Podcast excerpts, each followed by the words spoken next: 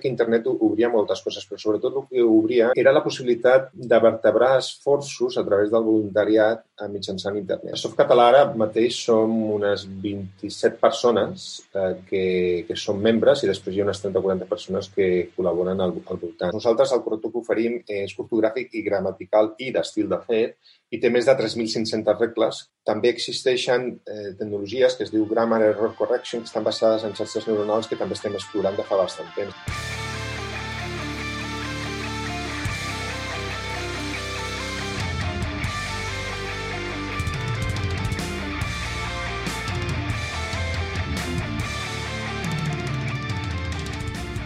Com esteu? Benvinguts i benvingudes a Connecta amb Dani Amo, un espai on parlo d'humanitat, tecnologia i privadesa. I aquesta vegada us apropo una conversa amb en Jordi Mas, un membre de Softcatalà, on fa coses com desenvolupar el catalanitzador de Softcatalà i altres coses com organitzar jornades de traducció eh, cada sis mesos.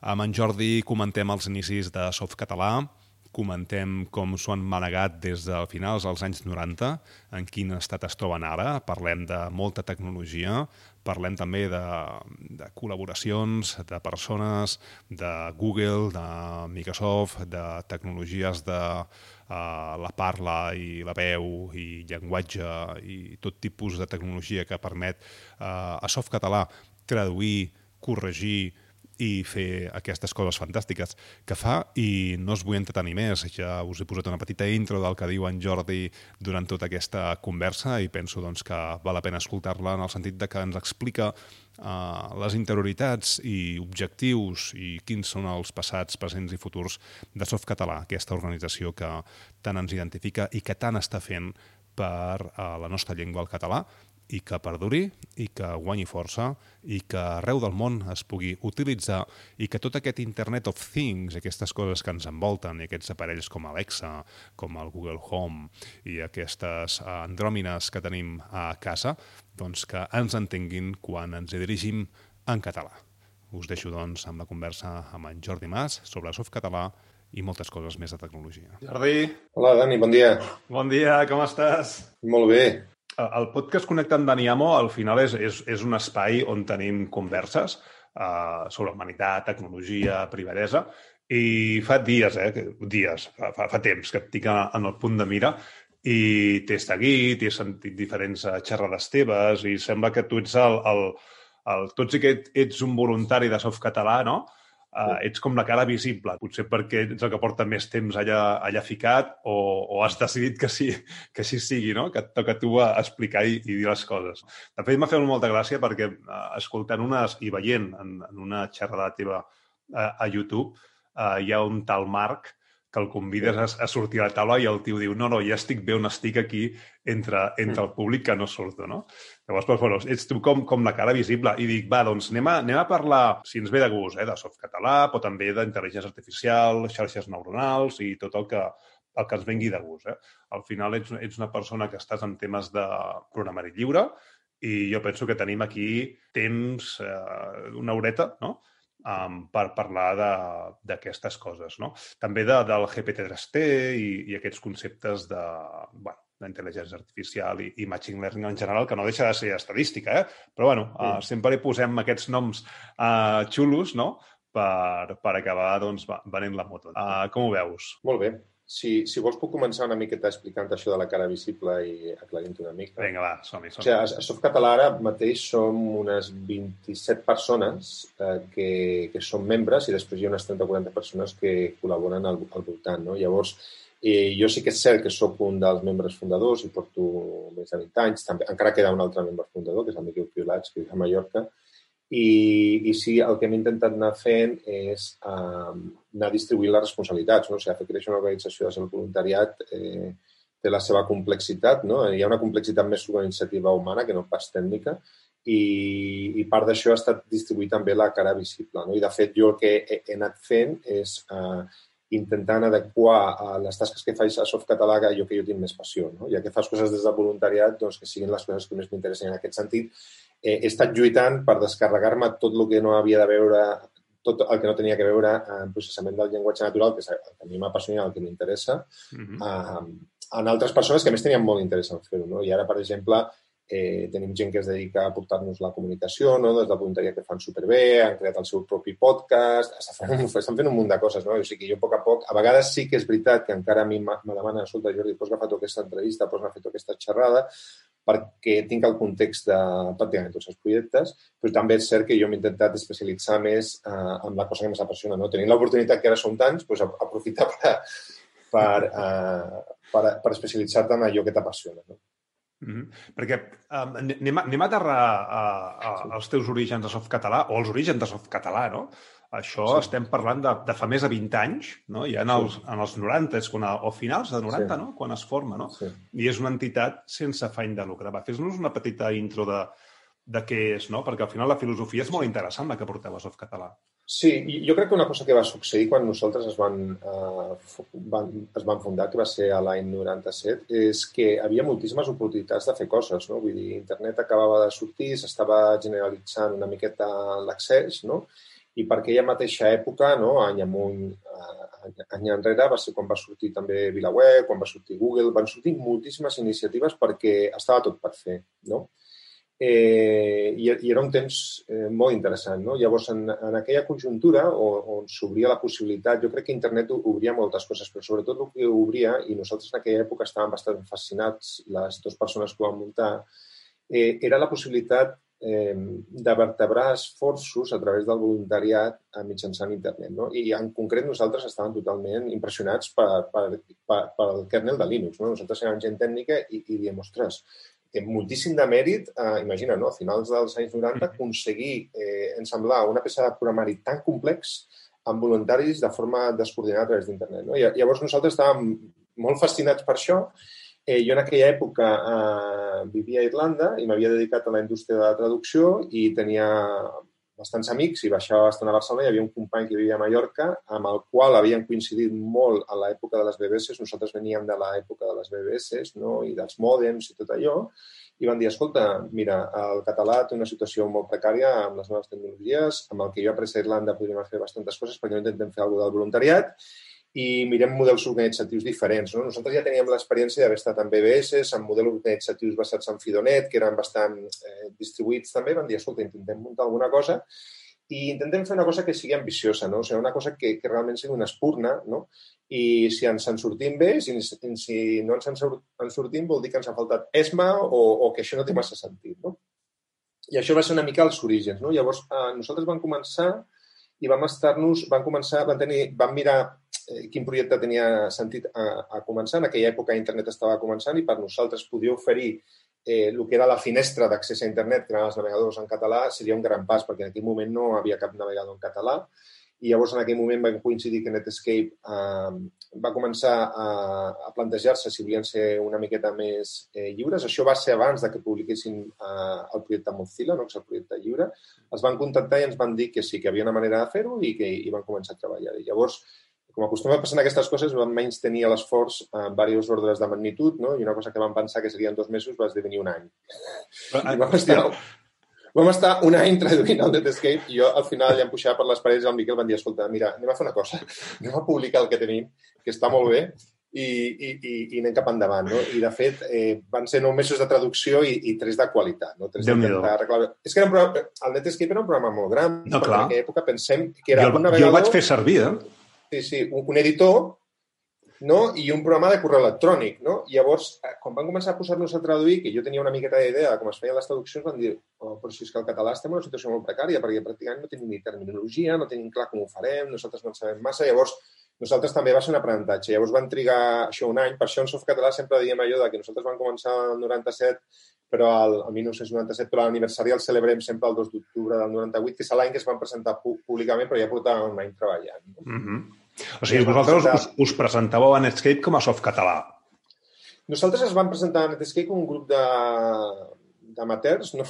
que volien fer una traducció. Llavors, resulta que Netscape en aquella època encara no era lliure i el que et deixaven fer era per a empreses molt grans i entitats educatives a traduir el programari sota la teva responsabilitat i nosaltres em vam dir, d'acord, estaríem interessats en aquesta finestra d'oportunitat i llavors es van posar algunes condicions. Per exemple, ens van dir no li podeu dir Netscape, no podeu fer servir les nostres marques, etc. I té, té un cert sentit perquè sí que és veritat que era un producte que ells no feien i, òbviament, eh, que la, imagina que la nostra feina hagués tingut molt mala qualitat, que la gent associés la seva marca amb la nostra feina no era correcta. Llavors aquí va venir el fet de que nosaltres al principi el Netscape en català eh, no li van poder dir Netscape i li deien l'Almogàver, no? De fet, al, a l'inici va ser l'Almogàver eh, amb uns logos eh, molt bonics que es van fer el Ricard Baquer, que és un dissenyador de, de Girona, i van començar amb, amb allò. No? Mm -hmm. una miqueta... En seguida van tenir molt bona acollida. Sí, sí, me'n recordo. Eh? Ara, ara començo a tenir eh, flashbacks. Eh? Uh, el Mozilla, el projecte Mozilla, no estava ja en aquella època? Uh... No, el, el, el, nosaltres vam començar el 90... Te parlo de memòria, eh? No, no, mm -hmm. Te parlo totalment de memòria potser em falla la memòria. Nosaltres vam començar uh, cap a cap a finals del 96, principis del 97. En aquella època no hi havia Mozilla. Vale. O com a mínim no el coneixien. Llavors, quan Exacte. estaven enmig del procés, jo crec que va ser cap a l'estiu del 97, quan nosaltres ja estàvem traduint el, 90, el, el, el ja estava compromesos. Que ells el, van, van publicar-ho. Mm -hmm. Llavors, el que va passar és que la primera versió que van publicar, jo la vaig baixar i què li passava? Que per tema, ells, el producte que tenien fins ara era un producte propietari tancat. Llavors, quan ells el publiquen, es donen compte de que la màquina Java no la poden publicar, que tot el tema de criptografia no el poden publicar, que un munt de third parties, llavors van publicar una cosa que no funcionava. I, i, i nosaltres vam dir, això està molt lluny de ser una cosa madura pels usuaris. I, de fet, ells, jo crec que van trigar dos o tres anys en poder omplir totes aquestes mancances. No? Llavors, sí que és cert que una vegada van començar, ells ho van publicar, però el que van publicar, no, ja et dic, eh, no, me'n recordo perfectament que no tenia criptografia, no tenia, no tenia res perquè no tenia Java, no tenia res perquè abans van d'haver, només van publicar, només van poder publicar aquell codi que havien fet ells. I, i clar, en tota aquella època ells llavors, llavors van començar a llançar tots els projectes per omplir els forats que els hi calien mm -hmm. per tenir una, un, un, un producte complet. I, de fet, d'aquell primer esforç que ells van fer tampoc va sortir una cosa massa sòlida, perquè va ser en una segona iteració que va fer una persona externa a, que va fer un navegador molt més lleuger basat en la seva tecnologia, que li van dir Firefox, que es va començar a popularitzar tot això, però la primera generació de tecnologia que van publicar eh, tampoc va tenir molt d'èxit. Va ser a partir de a partir Firefox. De... Jo, considero, jo considero que a partir de Firefox, que més ho va fer una persona externa, no era d'ells, van dir, escolta, aquest motor està molt bé, anem a fer una cosa a sobre i van tenir èxit. Llavors nosaltres quan Firefox i tota aquesta tecnologia va estar madura, vam, vam fer el canvi i vam dir a partir d'ara ens focalitzem en això. I jo crec que això va ser 4 o 5 anys després ja, eh? Sí, ja, ja cap al 2000, eh? Ja cap al sí. 2000. Sí, que ja teníem més, més, més registre. Uh, clar, és que aquí hi ha, hi ha una cosa molt clara i, i, i la gent a vegades doncs, um, no, no té clar què és això del programari lliure, programari gratuït i programari privatiu. I, i són, són tres camps completament diferents. Amb això vosaltres que vosaltres us definiu com una entitat sense afany de lucre on la filosofia és de programari lliure. Quina és la diferència entre gratuït, lliure i privatiu? Perquè el, als oients els hi quedi ben clar, no? perquè ostres, que n'hi ha alguns que ho tenen molt claríssim, no? Però hi, hi ha unes fines línies que traspassar-les poden portar a terme això, no? que un projecte doncs, no es pugui publicar o que hi hagi merders legals. Sí, i després inclús n'hi ha també la, la noció de programari comercial. No? Llavors nosaltres el programari lliure l'entenem tal com el defineix la Free Software Foundation, que és l'organització que va definir aquest concepte fa molts anys, uh. -huh. i hi ha una definició que nosaltres el que tingui interès pot anar a la fsf.org i la pot veure allà, que a més les pàgines estan traduïdes al català i a totes les llengües i està molt ben definit i està molt ben explicat. Uh. -huh. Però bàsicament el programari lliure eh, es tracta de programari que tu el pots estudiar, que tu el pots modificar, que tu el pots distribuir eh, i que tu eh, el pots adaptar. No? Per, per mi això és la definició. No? Eh, el programari lliure per mi és només una, una part de, de l'equació, perquè tu pots fer programari lliure sense tenir una comunitat darrere. Per nosaltres el que és important és que el programari sigui lliure i si és possible que hi hagi una, una comunitat i que sigui un projecte on la comunitat té un pes important. No? A vegades hi ha programari lliure, que bàsicament són empreses, empreses que publiquen el codi i no hi ha ningú darrere i, i no pots ni construir-ho, i per nosaltres el que sempre és interessant és quan hi ha una comunitat. No? Posaré un exemple. No? Va haver, hi havia un projecte que es deia, hi havia un projecte que es deia uh, OpenOffice.org que, que en, en un moment donat uh, el va adquirir l'empresa Oracle i en aquell moment la comunitat es va dividir en dues parts. No? Una que va anar amb Oracle, que es deia Apache OpenOffice, i una altra que va anar uh, més de la mà de tots els de tots els fabricants independents i tota la gent que es guanyava una mica en aquella... I, i es va crear una comunitat. Llavors, nosaltres ho vam tenir molt clar des del principi. Els dos són lliures, però el que tenim interès és amb el que té una comunitat darrere i el que totes les distribucions de Linux, en aquest cas és LibreOffice, estan començant a empaquetar. No? I el temps eh, que acaba succeint és que Apache OpenOffice avui en dia està en un carrer sense sortida, no? I, i LibreOffice és realment el que ha tirat. Llavors, per nosaltres, eh, programari lliure és molt interessant i, a més, valorem moltíssim la comunitat que es va a, al voltant, no? El, el, programari, el programari propietari o privatiu, per mi, és simplement el que és, no, no és lliure, no? és simplement l'antònim. No? Eh, després, jo el que sí que considero que hi ha una mica de confusió és amb el tema de, de programari gratuït uh, o programari comercial. No? El programari lliure mai parla de preu no? I, i mai parla de que sigui gratuït. Simplement eh, exigeix unes llibertats en les quals t'obliga a, a publicar-ho, però no, t'exigeix que tu no ho puguis cobrar i, de fet, n'hi ha gent que, que cobra serveis. No? Eh, igual que el programari comercial, o sigui, el programari lliure no t'impedeix fer, fer programari comercial i, de fet, hi ha moltes empreses que tenen models en què es guanyen la vida perfectament. Red Hat hi ha, hi ha moltíssims. No? Uh -huh. Llavors, en aquest sentit, per mi, aquest és una mica el resum. No? Programari lliure, el que té les llibertats que defineix la Free Software Foundation, bàsicament editar, modificar, copiar, el privatiu al contrari, i el comercial el que et exigeixen eh, una transacció econòmica i el, i el gratuït el que no has de pagar. No? Però són dimensions diferents. Una, jo crec que hi ha un eix que parla del cost econòmic i un altre és que parla de les llibertats i es poden creuar. No? És una miqueta mm. com els partits polítics, en quin punt estàs del nacionalisme o si estàs en dreta esquerra, no? que hi ha diverses Exacte. combinacions. Sí, com, a, com, polaritzes, com a polaritzes. Exacte. No? Llavors hi ha diverses combinacions en aquests dos eixos, bàsicament. És que a, a Nosaltres... Més, no, sí. Si, si, si publiques el codi eh, i el deixes lliure, no? i que la gent pugui instal·lar, pugui tocar, pugui fer coses, eh, eh, és una actitud de transparència. És una actitud de dir al món, ei, eh, jo faig aquestes coses, jo les publico, la deixo per la comunitat, eh, qui vulgui que s'ho aprofiti, no? i dono un missatge de transparència, però a més a més, jo la meva feina eh, la puc cobrar qui vulgui doncs, un servei eh, avançat, no? que al final estem en una època de serveis, no de productes. El producte és important, però si no hi ha ningú darrere que donin suport en aquest producte, doncs a, a, a pagar i, i, i marxem, no? És a dir, jo penso que a vegades el servei és molt, és molt més important que no pas... De fet, ho comentàvem tu i jo l'altre dia a Twitter una petita conversa, no? El tema aquest de les patents.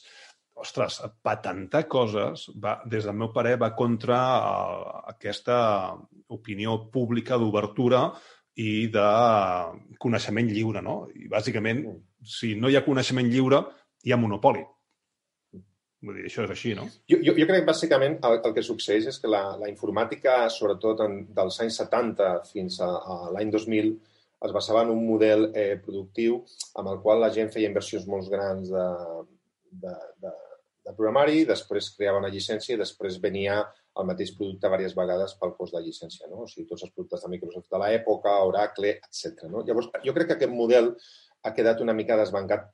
Primer, perquè arriba un moment on la gent comença a reflexionar, diu, escolta, avui dia internet existeix perquè existeix programari lliure i ha d'haver-hi i, i la informàtica està esdevenint una cosa tan important a la societat que no ens podem permetre que coses tan claus com sistemes operatius només estiguin a, a, mans d'unes empreses privades, és absolutament legítim que ho facin, però nosaltres hem de tenir una cosa pública. Llavors, crec que es comença a crear una noció de la necessitat de tenir una certa infraestructura pública en forma de software, perquè això està esdevenint tan important que els governs no s'ho poden permetre, permetre, i aquí jo crec que ja comença a haver-hi tot el tema, tot el moviment del programa lliure, on participen universitats, governs, eh, empreses, voluntaris, tot això, i per altra banda hi ha tota la transformació aquesta de, que representa internet, que, refer, que representa que anem cap a, més cap a un model de serveis, que la gent el que vol són pagar serveis, no llicències, etc. Encara hi ha gent ancorada amb els models anteriors, encara pots trobar empreses no, que venen RPS, CRMs i tot això amb el model anterior, però cada vegada més s'està trans, s'està anant cap a, cap a aquest model i és un model eh, totalment lògic i més sostenible, no? on, on bàsicament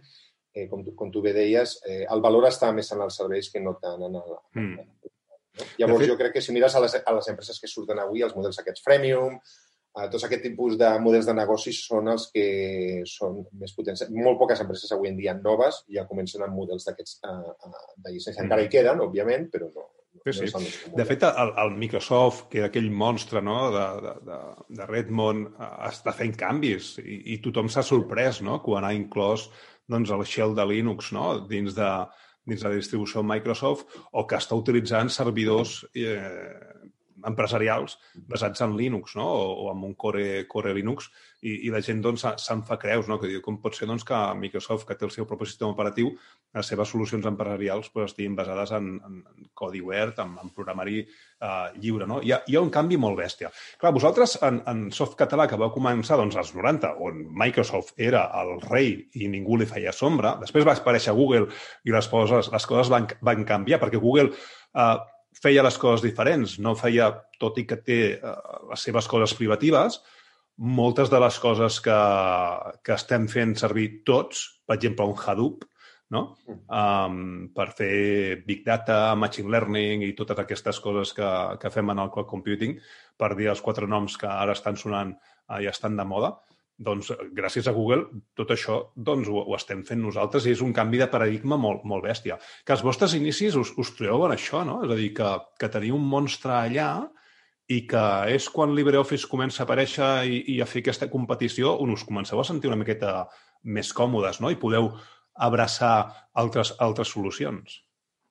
Sí, jo respecte... A... Volia fer un incís sobre això que has dit de la transformació de Microsoft perquè és molt important. No? Jo, jo vull recomanar-vos, hi ha un llibre molt interessant que es diu Refresh, no? que, que, que el va escriure el, el Satya Nadella, que és el nou CEO de, de Microsoft. De fet, jo crec que li va escriure la seva gent de, de premsa, no? no crec que ell l'escrivís eh, completament, però és un llibre que és molt interessant perquè parla de la transformació que ha tingut Microsoft, no? de ser, d'ells definir Linux com un càncer, uh, fins que arriba aquest nou eh, CEO i és capaç de, de convertir això en una oportunitat i dir, no, escolta, els nostres clients el que ens estan dient és que volen interoperabilitat i el que hem de fer és de fer d'això una fortalesa i, i no pas un enemic i fa una transformació absolutament eh, brutal.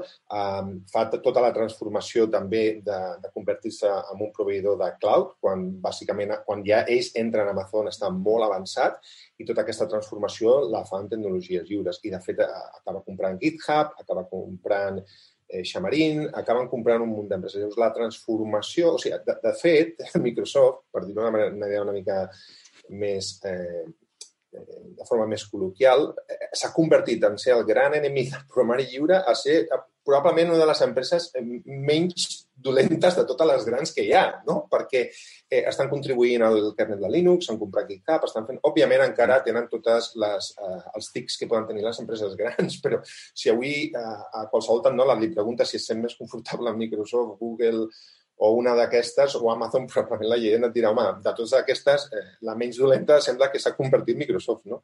També, eh, també ja finalment han llançat la tovallola en tot el tema del mòbil, no? que ells van apostar mm. molt pel mòbil, finalment s'han donat compte que això no els funciona, i tot el tema del cercador, amb Vic, o sigui, han fet apostes molt interessants. Llavors, jo, jo crec que és una empresa que ha fet una transformació molt bona. No és fàcil canviar tota una cultura d'una empresa d'aquestes dimensions, i, I bé, jo trobo molt positiu el canvi que han fet i són una gent eh, que està molt bé tenir-los a favor, no? com totes sí. les empreses grans. Més gent pugui contribuir millor i, i estic molt content del, del canvi que han fet. No? De fet, el, el, el 2006, quan havia la guerra de navegadors entre Chrome sí. i Internet Explorer, els de Microsoft van implantar una tecnologia que va sortir del W3C, que es deia P3P, que li donava total eh, control de les dades que estaven agafant les pàgines web a l'usuari.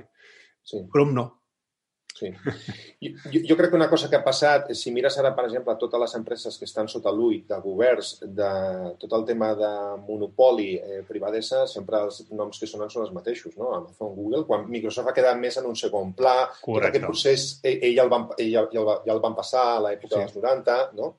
Eh, la, la, la, Comissió Europea Home, és que, és que encara s'hi toca el crostó, no? Sí, sí, L'altre dia vaig haver d'instal·lar una, una còpia de Windows 10 i, i enmig del Windows 10 vaig veure una pantalla, quan fas la instal·lació de l'última versió del Windows 10 d'octubre de 2020, l'última, que, que hi ha una pantalla que és un anunci de l'Office 365 i vaig pensar, estic segur que la Comunitat Europea els dirà alguna cosa, no? O sigui, encara tenen algun tic d'aquests d'aprofitar, òbviament, la base d'usuaris, però crec que la progressió ha sigut molt bona. No? Uh -huh. Llavors, efectivament, eh, enllaçant a la segona part de la pregunta, quan nosaltres vam començar... Eh, nosaltres, de fet, vam començar traduint programa gratuït, no lliure, no? Perquè nosaltres, uh -huh. quan vam començar a traduir el Netscape, en aquell moment Netscape no era, no era lliure, era gratuït. Era no? gratuït. I de, I, de fet, vam fer alguns programes més... Eh, al principi vam fer també el GetRight, l'Eudora, vam fer alguns dintre del que seria una capsa raonable d'eines per moure per internet. Però eh, això jo crec que ja el 2000, el 2001, ja van, ja van començar a decidir de dir, escolta, si nosaltres en el fons som una comunitat sense afany de lucre i tot el moviment aquest del programari lliure és sense afany de lucre, la connexió és molt raonable. Llavors, eh, focalitzem-nos en això i, i fem d'això el nostre enfocament. No? Llavors, tota la part de programari comercial, de programari privatiu, el que té sentit és que les empreses eh, comercials que ells guanyen un, un, uns diners amb això treballin en la comunitat professional de traductors, no? O sigui, si tu vens un producte, el normal és que t'ho faci algú que parla, no? Llavors, una miqueta, a nosaltres eh, ens va semblar molt interessant. Pensa que hi ha una, un tema que és molt important, no? Tu pots traduir una cosa, però després per poder fer, tenir un impacte no, amb els usuaris i, i poder tenir impacte en normalització lingüística, l'has de poder distribuir. Llavors, per nosaltres, el programari lliure ja no és que et permeti traduir-ho, que això és molt interessant, és que després t'ho permet distribuir, que per nosaltres és molt important. Llavors, nosaltres en tot aquest procés hem hagut de fer dues coses. No? Per, un, per un costat, eh, fer la nostra feina i per l'altre costat, en paral·lel, fer evangelització, o sigui, una de les moltes organitzacions que ha fet evangelització del programari lliure perquè per nosaltres era molt important la, la noció. No? Mm. I aquesta és una miqueta la, la, la reflexió. No? Quan dius nosaltres, quan sou ara mateix? El, ara mateix, eh, membres de Softcatalà hi ha 27, no? tenim un grup de Telegram i ho veig sempre a dalt, que posa 27, i en què col·laboren nosaltres són més, hi ha uns altres 30 o 40. No? Eh, llavors, bàsicament, eh, això és la gent que, que som. No? Uh -huh. I, I respecte... Sí. I d'on rebeu la, el, el, el, el money? No? Com, us, com us financeu? Perquè això potser eh, podem fer un reclam sí. si és que um, rebeu de donacions o... No, nosaltres vam muntar un model que era... Vam, vam intentar dissenyar un, un model. Nosaltres sempre hem tingut un principi que ha sigut no demanar subvencions. No? Nosaltres veníem, clar, el context aquell del 95, no? En, del 97, en Convergència i Unió, amb moltes subvencions i tal, nosaltres vam dir, escolta, nosaltres volem ser independents, volem ser políticament independents, més basats en un model una mica més anglosaxó, i, i en el fons nosaltres vam pensar que no ens calien diners, no? Dic, escolta, no ens calen diners. Llavors nosaltres a dia d'avui com ho tenim muntat és bàsicament tenim un acord a la Universitat de Lleida, no? Mm -hmm. l'UDL, al qual estem eternament agraïts, on ells tenen tots el, els nostres servidors. Tenim una rèplica dels servidors a la Universitat d'Alacant, no? I, bueno, una rèplica. Tenim uns altres servidors, no els tenim configurats com a rèplica, però tenim uns altres servidors. I llavors, en, en, en quant a gastos recurrents, nosaltres no en tenim, no? perquè hem arribat a acords, tenim acords signats amb aquestes universitats i per nosaltres hi tenim el nostre propi maquinari, no depenim de cloud providers. En aquest sentit ho tenim bé. Llavors, nosaltres, eh, el nostre model és absolutament basat en el voluntari, per tant, nosaltres no tenim gent alliberada i no tenim despeses recurrents. No? O sigui, cada mes no hem de pagar un sou o, o, o no tenim despeses recurrents. Llavors, les úniques despeses que nosaltres tenim com a soft català són eh, bàsicament les trobades. No? Si decidim fer una trobada per poder-nos trobar una vegada a l'any o fer maratons no? per avançar en un tema concret, llavors eh, si, tinguéssim, si, si tenim diners, el que intentem és que la gent no hagi de posar diners de la seva butxaca. No? Llavors, d'on surten els diners? Nosaltres vam començar venent samarretes i CDs. No? Amb les tasses, no? Amb les tasses i... Tasses no vam arribar a fer, podíem haver fet, però no vam fer, i, bueno, eren uns ingressos que estaven molt bé, no? O sigui, vull dir, eh, ho vam fer, vam vendre moltes samarretes, no sé, potser vam vendre 800 samarretes, no sé, vam vendre, vam vendre un to de samarretes, no? I va haver un moment que va començar tot el tema de la publicitat d'internet i nosaltres el que vam decidir és, escolta, això de les samarretes té molta feina, s'ha d'enviar després que la gent no li arriba, torna a enviar reclamacions i tot això, basem-nos en un model digital. I a dia d'avui el que tenim és la publicitat eh, de Google. No? Llavors, amb tot això, recollim bastants diners cada any, no els gastem tots i el que fem és cada any intentar fer una inversió. No? De dir, escolta, aquest any eh, agafem 5.000 o 10.000 euros, intentem eh, alliberar algú eh, perquè, per exemple, acabi la traducció de la documentació del GIM, que estem tardant dècades no? en acabar-la, o perquè algú es dediqui a millorar el, el, el, el diccionari de sinònims, que portem també una dècada, no? intentant... No? Llavors, tots aquests projectes que, que ja portem 10 anys, comencem a reflexionar si realment cal un altre esforç. No? Uh mhm. -huh. Però, bàsicament, és un model eh, on, on els ingressos ens arriben per publicitat, no? Uh mhm. -huh. eh, nosaltres només tenim publicitat amb els dos serveis principals, que és el corrector i el traductor. En tota la resta de pàgines no la tenim. No hi ha més fet molta la publicitat. Estem en un punt que podem filtrar molta la publicitat si no ens interessa. I aquest és una miqueta el model i això ens permet ser molt independents. Llavors, nosaltres ara mateix tenim més ingressos que... Pff, tenim molts ingressos i no, no, no els gastem tots. Llavors, el que fem és invertir-ho en maquinari, bàsicament, i en les trobades, i, i intentar, de, si ens sobren diners, dir, escolta, on té sentit invertir fer alguna petita mhm. inversió. Mm -hmm. no? Està molt bé. Al final, eh, sou molts, però, però sou petits, en definitiva, sí. no? Vull dir, és així. Tanmateix, sí. ostres, doneu molta guerra. Va, anem a, anem a aterrar en el tema tecnològic i tot sí. el, que, el que feu darrere, perquè l'altre dia també vas enviar un, un post molt, molt interessant sobre sí. l'int int 8, no? I com sí. utilitzar, doncs, 8 bits per fer coses amb logaritmes sí. i, i reduir aquests números tan grossos i, sí. i fer càlculs estadístics amb, amb, amb capacitat de memòria molt, molt reduïda, no? Clar, Eh, no, no, ten, no esteu en una granja de servidors com podria estar Google, on, evidentment, doncs, quanta més xitxa li posis en maquinari, doncs més pots aconseguir, no? Tanmateix també teniu el problema del corpus i de, de no ho sé, de l'àudio, um, del que voleu fer per dins, les paraules, les frases, les concordàncies, tot això. Va, anem a parlar una miqueta, no? Perquè jo diria que teniu dos mètodes de fer les coses, no? un més basat en, en regles i l'altre basat en sistemes neuronals. Si no m'equivoco, eh? corregeix-me. Eh? Sí. Bueno, T'explico una mica per posar les coses en context. No? Nosaltres vam començar amb, amb tot el tema de la traducció i fa aproximadament uns 5 o 6 anys vam fer una reflexió i vam fer la reflexió següent, de dir, escolta, tot el tema de tecnologia està eh, evolucionant cap a tecnologies de la llengua. És un camp on, on es poden fer productes que tenen molt impacte per l'usuari. És important que n'hi hagi opcions lliures i aquí sembla que hi ha un espai per poder contribuir en positiu. No? Llavors, aquell va ser el moment, fa uns cinc anys més o menys, que van començar a, a pivotar cap allà i a començar a, a fer serveis i a començar a preparar coses per fer serveis, fa cinc anys. No? Llavors, bàsicament, eh, dintre del... Jo el que m'he dedicat, no? I, eh, que és bàsicament el tema de la traducció, el que succeeix amb el tema de la traducció és... Eh, bàsicament el tema de la traducció és un tema que és molt competitiu perquè tens gent com Amazon, tens gent com Bing, tens gent com Yandex, tens gent com Baidu, tens gent com Google. Tota aquesta gent estan fent sistemes de traducció eh, tancats i, i privatius no? Google sí que és cert que dona el braç a torçar i com a mínim publica tota la recerca. No? La base científica de com ho fan eh, la publiquen, que això ja és positiu, però ni publiquen eh, implementacions lliures ni publiquen tampoc eh, els corpus ni res de tot això. Però com a mínim publiquen eh, la, la recerca. No? Llavors, eh, nosaltres bàsicament en el traductor, que ha sigut un dels serveis estrella, que està basat a, en Apertium, el que ens hem trobat és una competència molt forta de, de Google, perquè el, el sistema Apertium, com tu deies, és un sistema que funciona en regles no? com funcionen aquests sistemes de traducció automàtica. No? Ara parlem de traducció automàtica. Mm -hmm. És bàsicament tu tens un vocabulari i tens unes regles que li expliques com pot a, adaptar un text d'una llengua a una altra. No? Llavors, aquests sistemes a, estan molt bé en dos escenaris. No? Quan les llengües són molt properes, no? totes les llengües romàniques, català, francès, català, castellà, totes aquestes llengües, italià, aquestes regles són fàcils de descriure perquè les llengües són similars.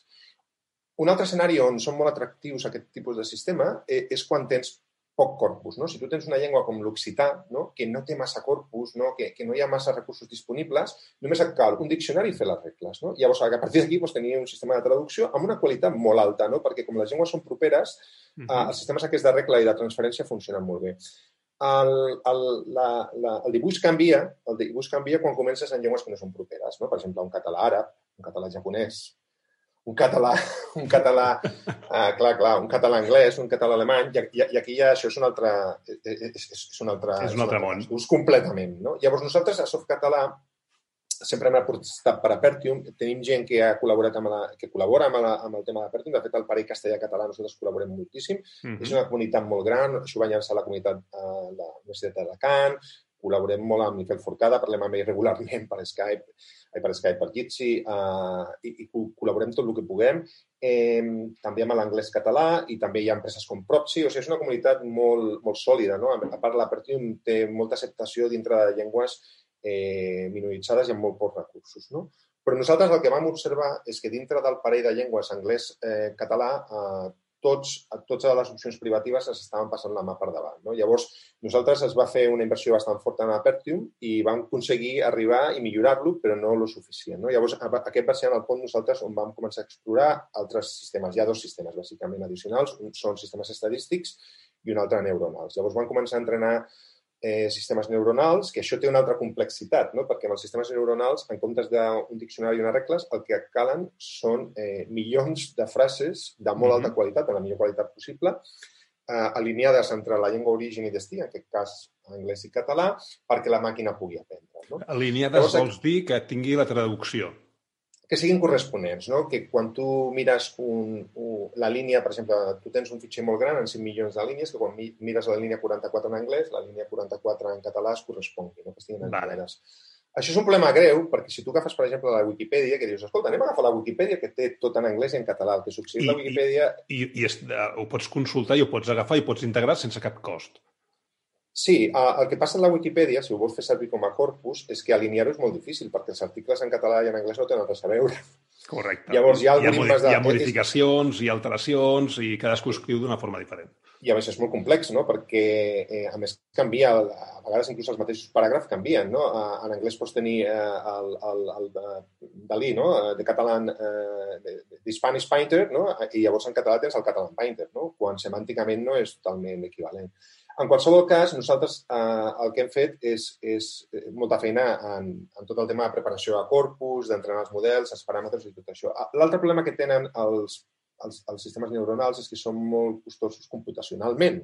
Uh mhm. -huh. no, els sistemes de regles són molt ràpids. No? Pots traduir un, un llibre bàsicament en menys de dos o tres minuts, són molt ràpids, no? però els sistemes neuronals eh, requereixen molt cost computacional i el requereixen en dos moments. En el moment que tu crees un model perquè la màquina aprengui i una vegada tu tens un model fet, aquest model li, li pots demanar que tradueixi. I, i el, la creació del model és molt costosa i la, i el que es diu la inferència, que és demanar-li que faci mm -hmm. traduccions, també és molt costosa. No? Llavors, nosaltres aquí hem fet una feina d'intentar amb el maquinari que tenim, que és bastant modest i que no està pensat per tema de xarxes neuronals, doncs poder donar un servei. I actualment pues, bueno, són capaços de fer-ho, encara en el futur haurem de comprar maquinari que, que tingui GPUs i que estigui més adequat a aquests casos d'usos. No?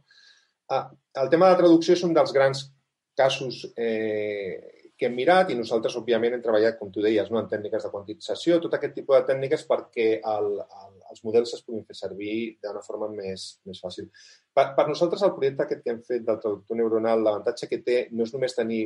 Ara mateix tenim eh, una, un model que té la mateixa qualitat que el de Google o superior, i, i que doble, i que doble Apertium. És el doble de, de, té una qualitat que és el doble que la d'Apertium. No? Llavors, nosaltres, l'avantatge que li veiem a això no és només poder-lo oferir als usuaris, és que estigui disponible com a tecnologia lliure. No?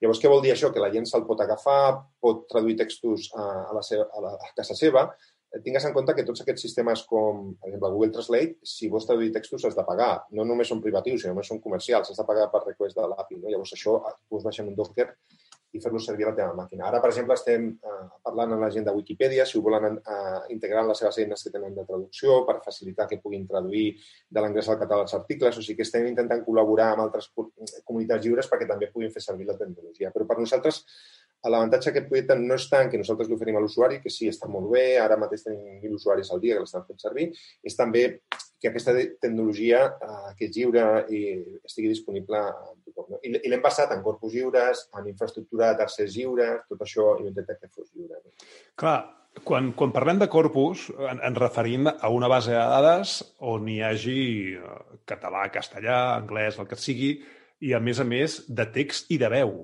perquè també esteu fent esforços en, en temes de veu. És a dir, aquí, aquí sí. tenim tecnologies de la llengua, ens, ens trobem amb correctors, ens trobem amb, amb traductors, ens trobem amb text-to-speech, no? text sí. uh, cap a la parla, sí. Jo entenc que, que ho toqueu tot, no? Hem parlat de, tra de traductors, però correctors també, que potser és el més fàcil, un corrector, eh? Vull dir que el funcionament d'un corrector que pot ser és la paraula que no està al diccionari que tinc, en aquest corpus, mm. doncs és una paraula incorrecta, no? es podria, es podria dir, no? que segurament hi ha, hi ha diferents. Com ho porteu això als corpus? Des de quan esteu treballant amb, amb corpus i quina és la magnitud en, en milions d'entrades? No? Perquè això no són milers, han de ser milions, si no el, els, els models no s'entrenen bé. Sí. I, llavors, sí, jo volia fer una distinció. No? O sigui, nosaltres eh, um, o sigui, tenim sistemes que estan basats en regles. De fet, l'exemple que posaves del corrector Eh, bàsicament hi ha dos tipus de corrector. El que tu descrivi, que estaves descrivint, que és un corrector ortogràfic, on busca paraules que, que no troba al diccionari, no? I després hi ha correctors gramaticals. Llavors, nosaltres el corrector que oferim és ortogràfic i gramatical i d'estil de fet, i té més de 3.500 regles, que en aquest cas un humà, que es diu Jaume Hortalà, en col·laboració d'altra gent, ha anat codificant sobre, sobre, durant tots aquests anys. No? Llavors, a, a, aquest és un sistema en el qual no et calen corpus, però per a tot el que involucra aprenentatge automàtic calen corpus. No? Llavors, nosaltres Um, hi ha corpus que el que hem fet és bàsicament agrupar-los. No? Ja existien corpus no? i el que hem fet és agrupar-los, altres els hem creat nosaltres i altres el que hem fet és netejar-los, no? que vol dir simplement augmentar-ne la qualitat. No? Perquè bàsicament al final eh, les màquines eh, aprenen de, de les entrades que, li, que tu els hi dones. De fet, en anglès es fa servir una frase que a mi m'agrada molt, que vol dir garbage in, garbage out, no? quan es parla d'aprenentatge automàtica, que és que si li dones brossa a una màquina, et traurà brossa. No? Llavors, sí, la sí. qualitat dels corpus és fonamental perquè és com ells aprenen. Llavors, nosaltres aquí hem estat invertint bastant. No? Llavors, eh, en, en, en, això en quant a, a, tra, a, a traducció. I, I, de fet, ara, en, en, en correcció gramatical, també existeixen eh, tecnologies que es diu Grammar Error Correction, que estan basades en xarxes neuronals que també estem explorant de fa bastant temps. De fet, mm -hmm. fa poc vam publicar un model lliure, que és un model eh, BERT, que li diuen Julibert, entrenat pel català, que té un rendiment bastant millor que el que va publicar Google, però encara no hem aconseguit eh, fer-lo servir de forma eficient per la correcció eh, gramatical. O sigui, els models neuronals es poden fer servir per, per traducció sí, gramatical un... i, de fet... Mm -hmm. Sí, sí. No, no, veig que un dels vostres objectius és superar Google, no? És a dir, una de les no, vostres... superar... No, no es tracta tant de superar o, o, o com a fita, sí. no? És a dir, anem a, el nostre objectiu és ser eh, igual de qualitat, no? que tenir la mateixa qualitat que algoritmes de Google, que potser ara és el que està en, en un nivell més alt, eh?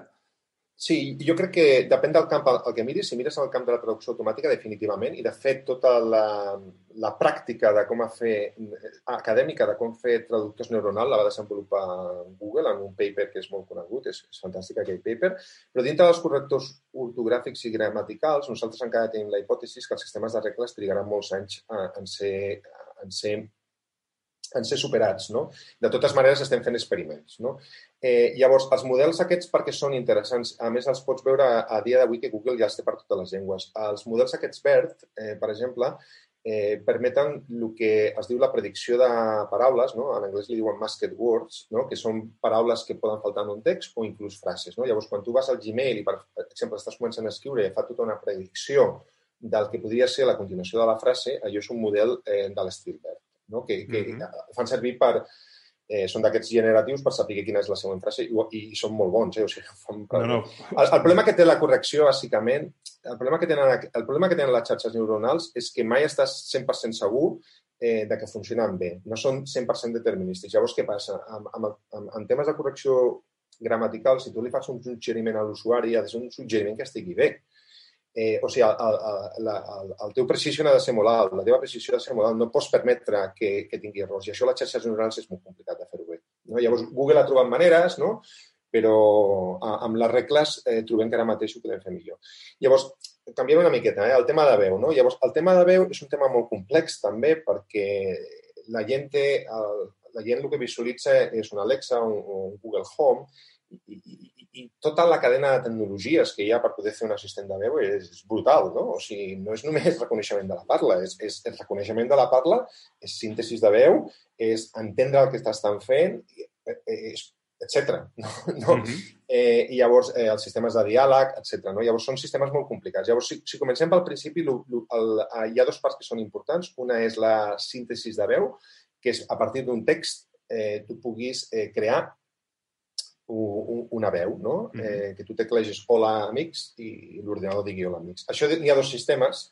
Hi ha un sistema que es diu, en català hi ha dos sistemes, un que es diu Festival, que va fer l'UPC, que funciona molt bé i nosaltres el fem servir. De fet, si vas a, a la nostra web, eh, el sistema, i tenim una aplicació que permet, per exemple, passar de números a lletres i allà hi ha una icona amb un àudio que permet llegir-ho i a més ho fem servir també a les aplicacions mòbils. Això va bastant bé. Ara L'agenda col·lectiva, que és una... és, és bàsicament eh, una cooperativa, han fet també un sistema basat en xarxes neuronals, que també està molt bé. Llavors, aquí estem ben coberts en el català, no? Amb el cas de... Amb el cas aquest, el que és més complex és, és, és al revés, no? O sigui, a, a partir de la parla d'humans, aconseguir eh, transcriure a text, no? el reconeixement de la veu. Llavors, uh -huh. nosaltres aquí vam fer una reflexió i aquí és un tema molt complex, no? perquè tens eh, totes les grans empreses apostant-hi i després tens les petites que volen fer volen fer. Llavors, nosaltres a, a la conclusió que vam arribar és que això al final no deixa de ser una sèrie de requisits que has de tenir per poder-ho fer. No? El primer que necessites és un gran corpus de veu mm, per poder entrenar models. No? Llavors, si aquest corpus de veu no el tens, l'has de fer. I és molt costós, perquè com a mínim necessites mil hores de parlants. I aquests parlants han de ser de diferents eh, si pot ser de diferents variants dialectals, de diferents edats, de diferents gèneres, si vols Accents, que això tingui... tons... Uh -huh. Clar, que tingui una diversitat, no? Llavors, nosaltres vam, vam dir, escolta, el que té més sentit és que ens focalitzem en el que són um, els bàsics, que si estan i, i si són lliures i, i a part es poden fer servir tant eh, a projectes lliures com en projectes comercials, no podem cap, posar cap restricció, això permetrà que aquells que vulguin fer aquest tipus de sistemes, la barrera d'entrada sigui més baixa, no? que no et diguin, escolta, jo no, vull, no puc fer-ho en català perquè jo ara mateix no, no puc comprar mil hores de locució en català, perquè et cal les hores de locució de tots aquests parlants per a més transcrites, perquè la màquina ha d'aprendre. No? Llavors, en aquest sentit, nosaltres vam veure una gran oportunitat. Hi ha un projecte de la Fundació Mozilla, que de, de nou són la gent del Netscape, no? que han fet un projecte que es diu Common Voice i, i nosaltres des del principi ens vam apuntar per intentar donar-li brancida i, i, i contribuir moltíssim en tot el que és el, la, la generació d'un corpus lliure d'àudio en català. No? Llavors, això és una cosa que fem no? I, i que estem molt contents. A dia d'avui eh, ja sabem que hi ha gent que l'està fent servir, no? que ha entrenat eh, models bastant modestos, sabem que Facebook també l'estan fent servir, ha, ha publicat coses que estan fent servir, però no fa servir el que fa Softcatalà, sinó nosaltres contribuïm a Common Voice i a través de Common Voice pues, tota la comunitat de recerca i tota la comunitat d'empreses grans pues, tenen. Llavors, aquesta és la nostra gran aposta de tecnologies eh, de reconeixement de la veu, que és bàsicament incidir amb el, amb el corpus perquè la gent pugui construir a sobre. Mm no?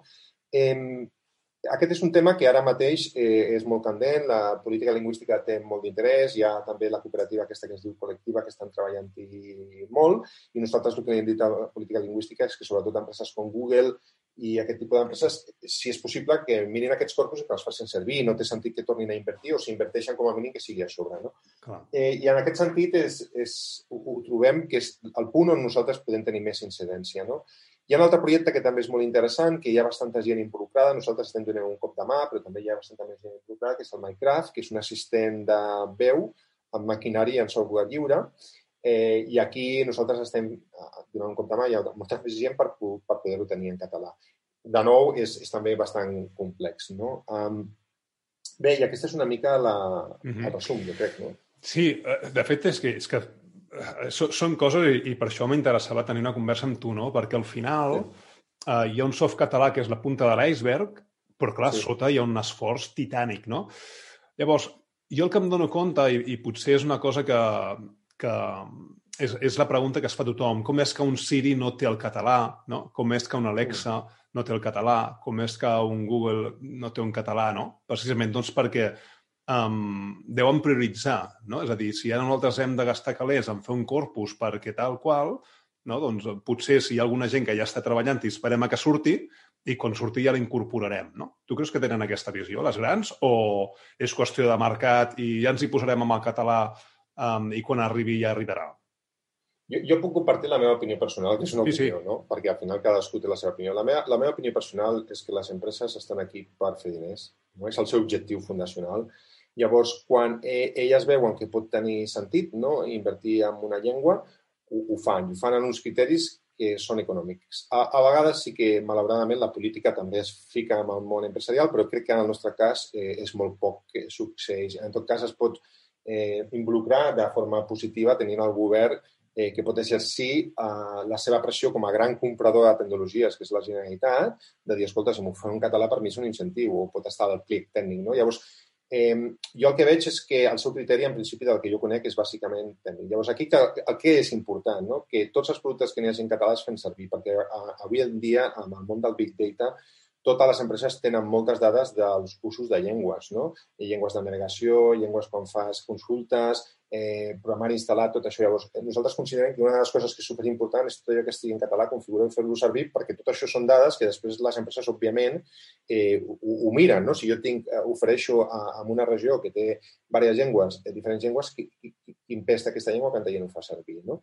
Llavors, tot això compta. No? Llavors, eh, això amb el, amb el món, eh, llavors, amb el món empresarial. Llavors, el que succeeix després, no? quan una empresa diu vull fer una inversió. Òbviament, si aquesta inversió és senzilla, no? posem, per exemple, el cas dels correctors ortogràfics. No? Dius, escolta, eh, em demanen si puc posar el corrector ortogràfic en català. És, és un esforç molt diferent si gràfic, bàsicament agafes un corrector ortogràfic i l'integres al teu producte perquè la llicència ho permet, no? que avui en dia ho permet, no hi ha cap problema, o has de crear un, un corrector ortogràfic des de zero, en català.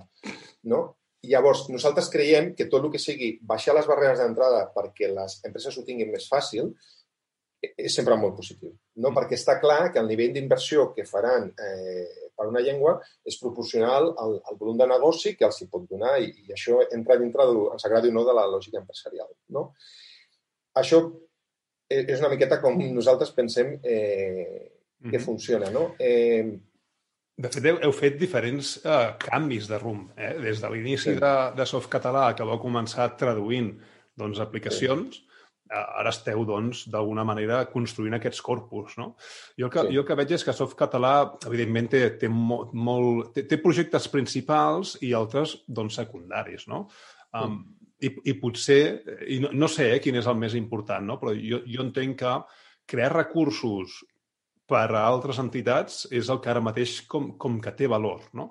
Tenint en compte que, ostres, uh, muntant data center, doncs Softcatalà ara mateix no té, no té la capacitat, no? I sabent que, que la xitxa que li pogués posar el, en aquests eh, xarxes neuronals o entrenaments de machine learning, etc etc, doncs um, fins que no hi hagi això, no? la, la tasca principal i, i amb més valor que està oferint la mateix Softcatalà, a part del traductor i els correctors que, que teniu, és, és fer aquest corpus, no?